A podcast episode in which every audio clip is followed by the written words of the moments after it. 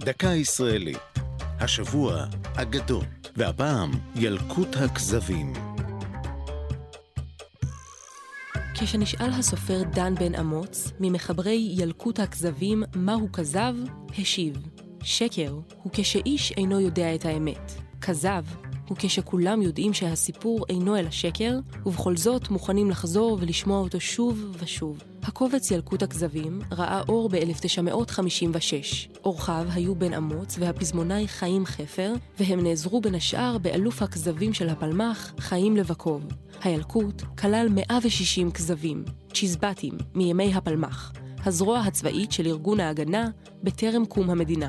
את הכזבים נהגו לספר בקומזיצים מסביב למדורה. הסיפורים, שחלקם בדוי לגמרי, היו מעין אגדות מקומיות, שנשענו על דמויות אמיתיות מהווי הפלמ"ח, כמו זקן השומרים אברהם שפירא, או ג'ורי, הוא המשורר חיים גורי. הילקוט חולק לשערים, למשל, מעשים שהיו, שיטות ופטנטים, ומתיחות. וכך נשמע כזב טיפוסי וקצרצר במיוחד. בכינוס השומרים הוותיקים, קם אברהם שפירא לספר זיכרונות.